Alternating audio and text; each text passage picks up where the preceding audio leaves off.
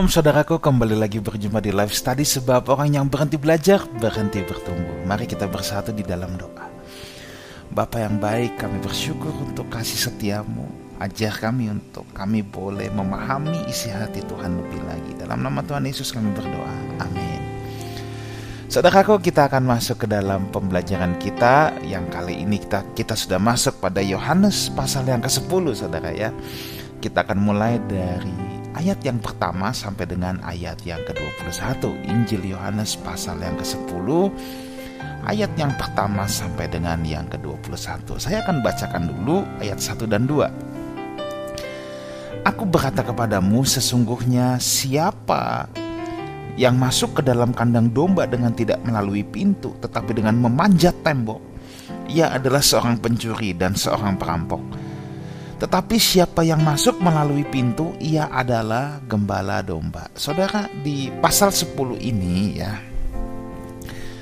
Yesus gembala yang baik adalah satu istilah, satu rangkaian, satu ungkapan yang sangat terkenal ya.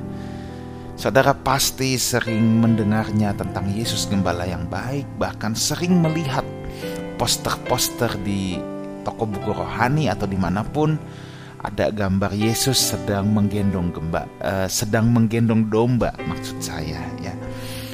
Dan di sana saudara bisa melihat bahwa itu adalah gambaran dari Yohanes pasal yang ke-10 ini. Tidak ada dalam bagian Injil lainnya di mana Yesus secara implisit ya secara terang-terangan berkata tentang bahwa dia adalah gembala. Dan di pasal yang ke-10 ini Yesus sedang menggambarkan saudaraku siapa gembala yang sejati dan siapa gembala yang palsu. Dan Yesus membiarkan orang-orang Yahudi pada saat itu untuk menebak-nebak, orang-orang Farisi untuk menebak-nebak mereka ini tergolong yang mana, apakah mereka gembala yang asli atau mereka gembala yang palsu. Dan pada saat itu perlu kita ketahui juga bahwa menggembalakan domba adalah satu hal yang sangat umum. Yesus ketika menggunakan perumpamaan, dia pasti menggunakan suatu hal yang sangat umum. Mungkin kalau Yesus hidup di hari ini, mungkin saudara ya, saya akan bayangkan kalau Yesus hidup di hari ini, Yesus tidak akan bicara tentang akulah gembala domba. Mungkin akulah misalnya driver ojol, misalnya karena itu hal yang sudah sangat lazim. Akulah Pak Polisi. Nah, itu sudah sangat lazim bagi kita saat ini. Tetapi zaman dulu gembala domba adalah hal yang sangat umum. Nah, kalau kita lihat di ayat yang pertama ya, bukti untuk mengenali pencuri dan perampok yang datang untuk merusak kawanan domba itu adalah mereka masuknya dari mana? Apakah masuk melalui pintu atau mereka memanjat tembok, saudara ya. Kenapa harus memanjat tembok? Karena gembala yang palsu itu nggak punya hak untuk masuk, saudara. Dan mereka pasti akan merencanakan hal yang jahat, saudara. Gembala yang palsu itu nggak punya hak masuk, makanya dia nggak bisa dari pintu. Dia harus pakai taktik saudara harus manjat tembok.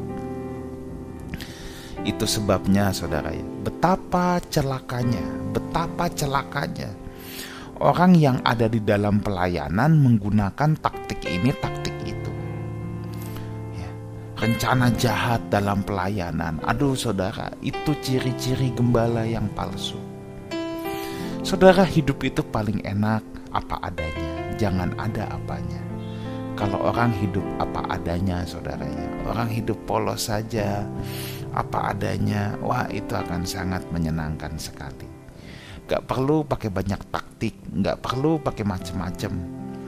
Dia akan dengan ya santai aja Biasa aja. Gembala yang baik itu masuk melalui pintu Hati-hati kalau di dalam dunia pelayanan di mana saudara melayani, saudara melihat sekeliling saudara sudah mulai adu taktik, adu akal bulus tidak bisa hidup apa adanya, hidup pakai topeng, hidup ada apanya. Hati-hati, jangan-jangan saudara sudah ada di lingkungan toksik.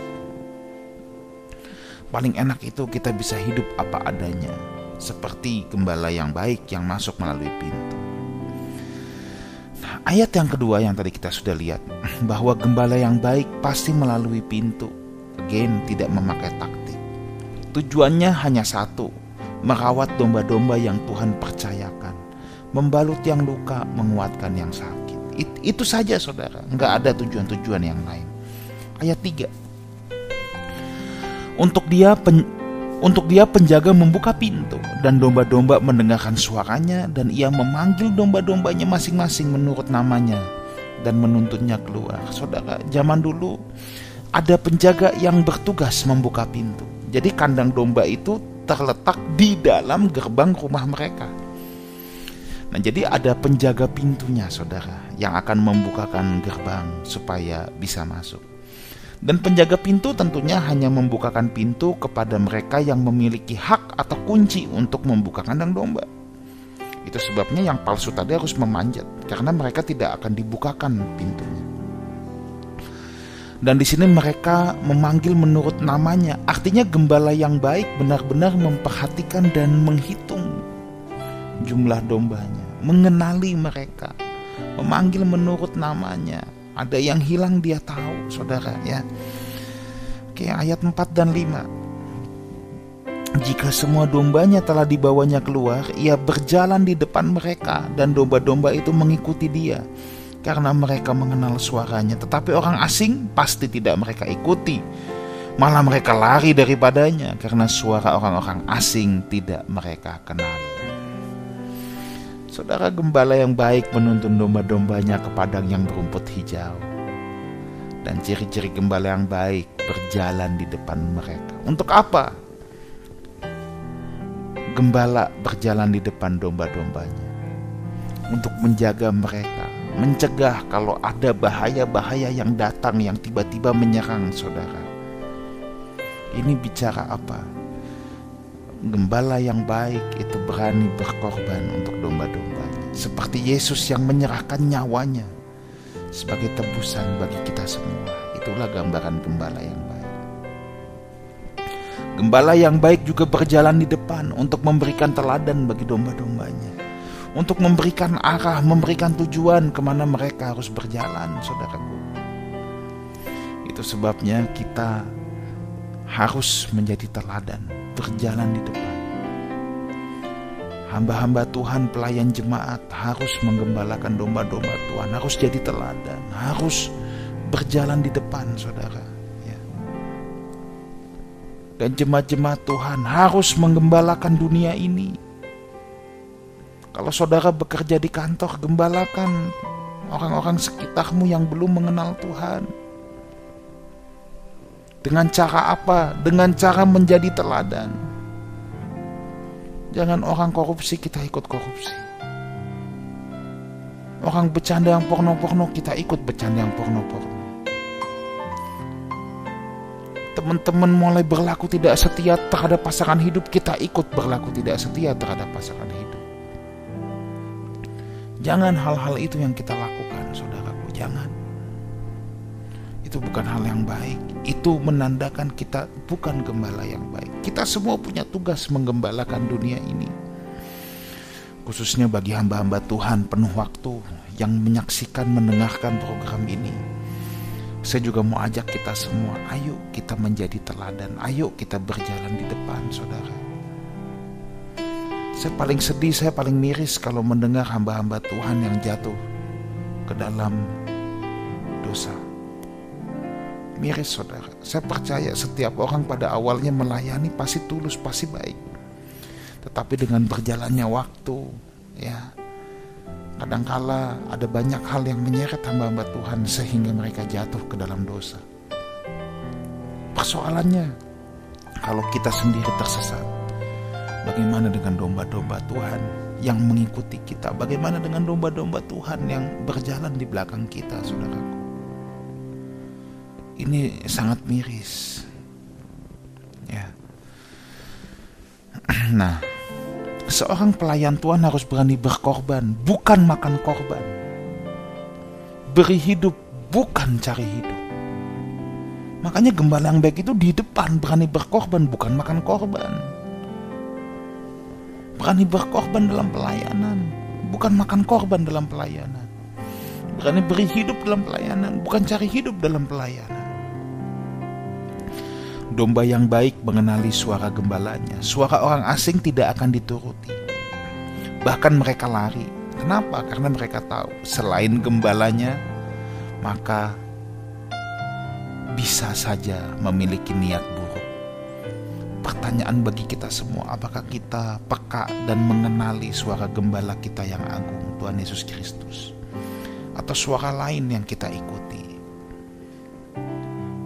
Di sini dikatakan domba itu mendengar suara lain justru lari. Nah sekarang kalau ada godaan, ada tarikan dosa. Apakah kita lari menjauh atau justru kita berjalan mendekat? Kalau kita masih mengenali suara gembala kita yang agung Tuhan Yesus, kita pasti akan menjauhi apa yang namanya dosa. Saat ada suara lain yang masuk, kita akan lari menjauh. Kalau kita taat, ya, mengenali suara gembala agung kita, saudara, ya, pasti kita akan mendekatkan diri pada Tuhan. Ada dosa, kita lari bukan justru mendekat. Tapi kalau kita udah nggak mengenali suara gembala agung kita, ada dosa, justru kita jalan mendekat. Ya, ayat yang keenam. Itulah yang dikatakan Yesus dalam perumpamaan kepada mereka. Tetapi mereka tidak mengerti eh, apa maksudnya ia berkata demikian kepada mereka. Saudara domba adalah orang percaya, kandang adalah gereja Tuhan, Tuhan adalah gembala yang baik dan iblis adalah pencuri. Kan begitu. Kandang domba selalu diperhadapkan dengan bahaya-bahaya dari pencuri. Selalu ada banyak pencuri. Iblis itu bukan mau nyerang diskotik, panti pijat, enggak saudara. Itu memang udah pusatnya. Tapi yang iblis mau serang justru mimbar gereja, justru gereja Tuhan, saudara. Maka saya mau ajak hamba-hamba Tuhan, gembala jemaat, pelayan-pelayan dalam gereja, ya, ini kita ini gembala bawahannya Tuhan Yesus yang telah diberikan kepercayaan untuk memberikan makan kawanan-kawanan domba Allah. Kita harus setia melayani, setia memberi makan jiwa dengan firman Allah. Dan ikut mengawasi mereka untuk menjalankan ketetapan Injil Kristus. Ya. Kita hanya masuk melalui pintu yang resmi. Jangan ada akal bulus, jangan ada taktik-taktik dalam pelayanan Roh Kristus akan membukakan pintu bagi mereka dan memberi mereka wewenang dalam gereja serta menanamkan keyakinan dalam hati jemaat Tuhan. Orang Yahudi yang berhati picik tidak bisa mengerti apa yang Yesus katakan. Orang yang hatinya licik, tidak tulus, tidak akan mengerti apa yang Tuhan katakan. Selalu saya katakan itu ayat 7 sampai 9 sekarang. Maka kata Yesus sekali lagi, aku berkata kepadamu, sesungguhnya akulah pintu ke domba-domba itu. Semua orang yang datang sebelum aku adalah pencuri dan perampok dan domba-domba itu tidak mendengarkan mereka. Akulah pintu, barang siapa masuk melalui aku, ia akan selamat dan ia akan masuk dan keluar dan menemukan padang rumput. Yesus menjelaskan dirinya saudara sebagai pintu. Hal ini dikatakan mereka kepada orang-orang yang pura-pura mencari kebenaran. Kepada orang-orang Yahudi yang merasa dirinya sebagai satu-satunya domba Tuhan. Kepada orang Farisi yang merasa dirinya gembala dari orang-orang Yahudi itu. Yesus menabrak mereka dengan satu kebenaran. Akulah pintu. Apa artinya akulah pintu? Yang pertama, kita dapat masuk menjadi kawanan domba Allah. Bukan hanya orang Yahudi yang menjadi kawanan domba Allah, tetapi saudara dan saya juga terhitung sebagai kawanan domba Allah. Kedua, melalui Kristus. Artinya apa? Melalui Kristus para domba bisa masuk kerajaan Allah. Ya, jalannya hanya Kristus. Untuk domba-domba bisa masuk dalam kerajaan Allah. Yang ketiga, melalui Kristus kita bisa masuk ke dalam hadirat Allah yang Maha Kudus. Tanpa perantara, setiap saudara bisa menghampiri tahta Tuhan. Tanpa perantara, setiap saudara bisa masuk ke dalam ruang Maha Kudus Tuhan. Maka saya harus katakan rugi besar orang percaya kalau tidak bersekutu dengan Tuhan. Rugi besar kalau orang percaya tidak duduk diam di kaki Tuhan dan berdoa. Rugi besar kalau orang percaya dikit-dikit hanya bisanya minta didoakan. Karena mereka pikir hanya pendeta, hanya hamba-hamba Tuhan yang bisa masuk ke ruang maha kudus Tuhan dan selalu menanyakan sesuatu kepada pendeta. Rugi saudara, rugi. Sebab pendeta sekali lagi itu bukan calo, bukan perantara saudara dengan Tuhan. Kami hanya equiper memperlengkapi. Rugi besar kalau kita orang-orang percaya tidak duduk diam di kaki Tuhan, tidak berdoa sujud di hadapannya. Karena Kristus telah menjadi pintu. Tidak ada manusia mana pun yang bisa menjadi pintu selain Kristus sendiri. Ayat ke-10 ayat yang sangat terkenal sekaligus ayat yang paling sering disalahartikan. Pencuri datang hanya untuk mencuri, membunuh, membinasakan. Aku datang supaya mereka domba-dombaku punya hidup dan mempunyainya dalam segala kelimpahan. Ayat ini sering disalahartikan, tapi ada dua pelajaran penting yang bisa kita ambil. Yang pertama, iblis selalu punya tujuan untuk menipu. Dia masuk selalu dengan menipu kita dulu, saudara. Menipu cara berpikir kita, menipu cara memandang kita, menipu, menipu, dan menipu. Kalau dia sudah menipu kita, dia akan mencuri damai sejahtera yang Tuhan berikan dalam hidup Lalu dia akan membunuh iman orang percaya dan berujung untuk membinasakan kita. Itulah cara kerja iblis. Dia men, dia menipu, mencuri, membunuh dan membinasakan. Tetapi kalau Kristus datang supaya domba-dombanya mempunyai hidup-hidup yang berkelimpahan. Nah, saudara baca ayat ini jangan langsung dipikir banyak duit, banyak duit, banyak rumah, banyak tanah, banyak mobil. Jangan gitu, saudara. Ya. Kata hidup di sini soe. Ada dua kata dalam Alkitab tentang hidup. Bios dan soe. Dari kata bios kita temukan kata biologi. Nah, bio itu menunjuk pada hidup, hidup kita secara daging nih, bernafas, hidup, jalan, bergerak. Tapi kalau soe menunjuk pada kualitas yang dimiliki dalam kehidupan itu sendiri. Makanya kalau dikatakan dalam berkelimpahan. Konteks kelimpahan di sini adalah kelimpahan kualitas hidup, kelimpahan karakter Kristus, kelimpahan kebajikan. Jangan mengukur segala sesuatu dengan uang, saudara. Kalau kita mengukur segala sesuatu dengan uang, kita sedang menggunakan ukuran-ukuran manusia. Ayat yang ke-11, Akulah gembala yang baik. Gembala yang baik memberikan nyawanya bagi domba-dombanya. Kristus telah memberikan nyawanya sebagai tebusan buat kita. No doubt, tidak ada yang perlu diragukan lagi. Kristus telah melakukannya dan membuktikannya.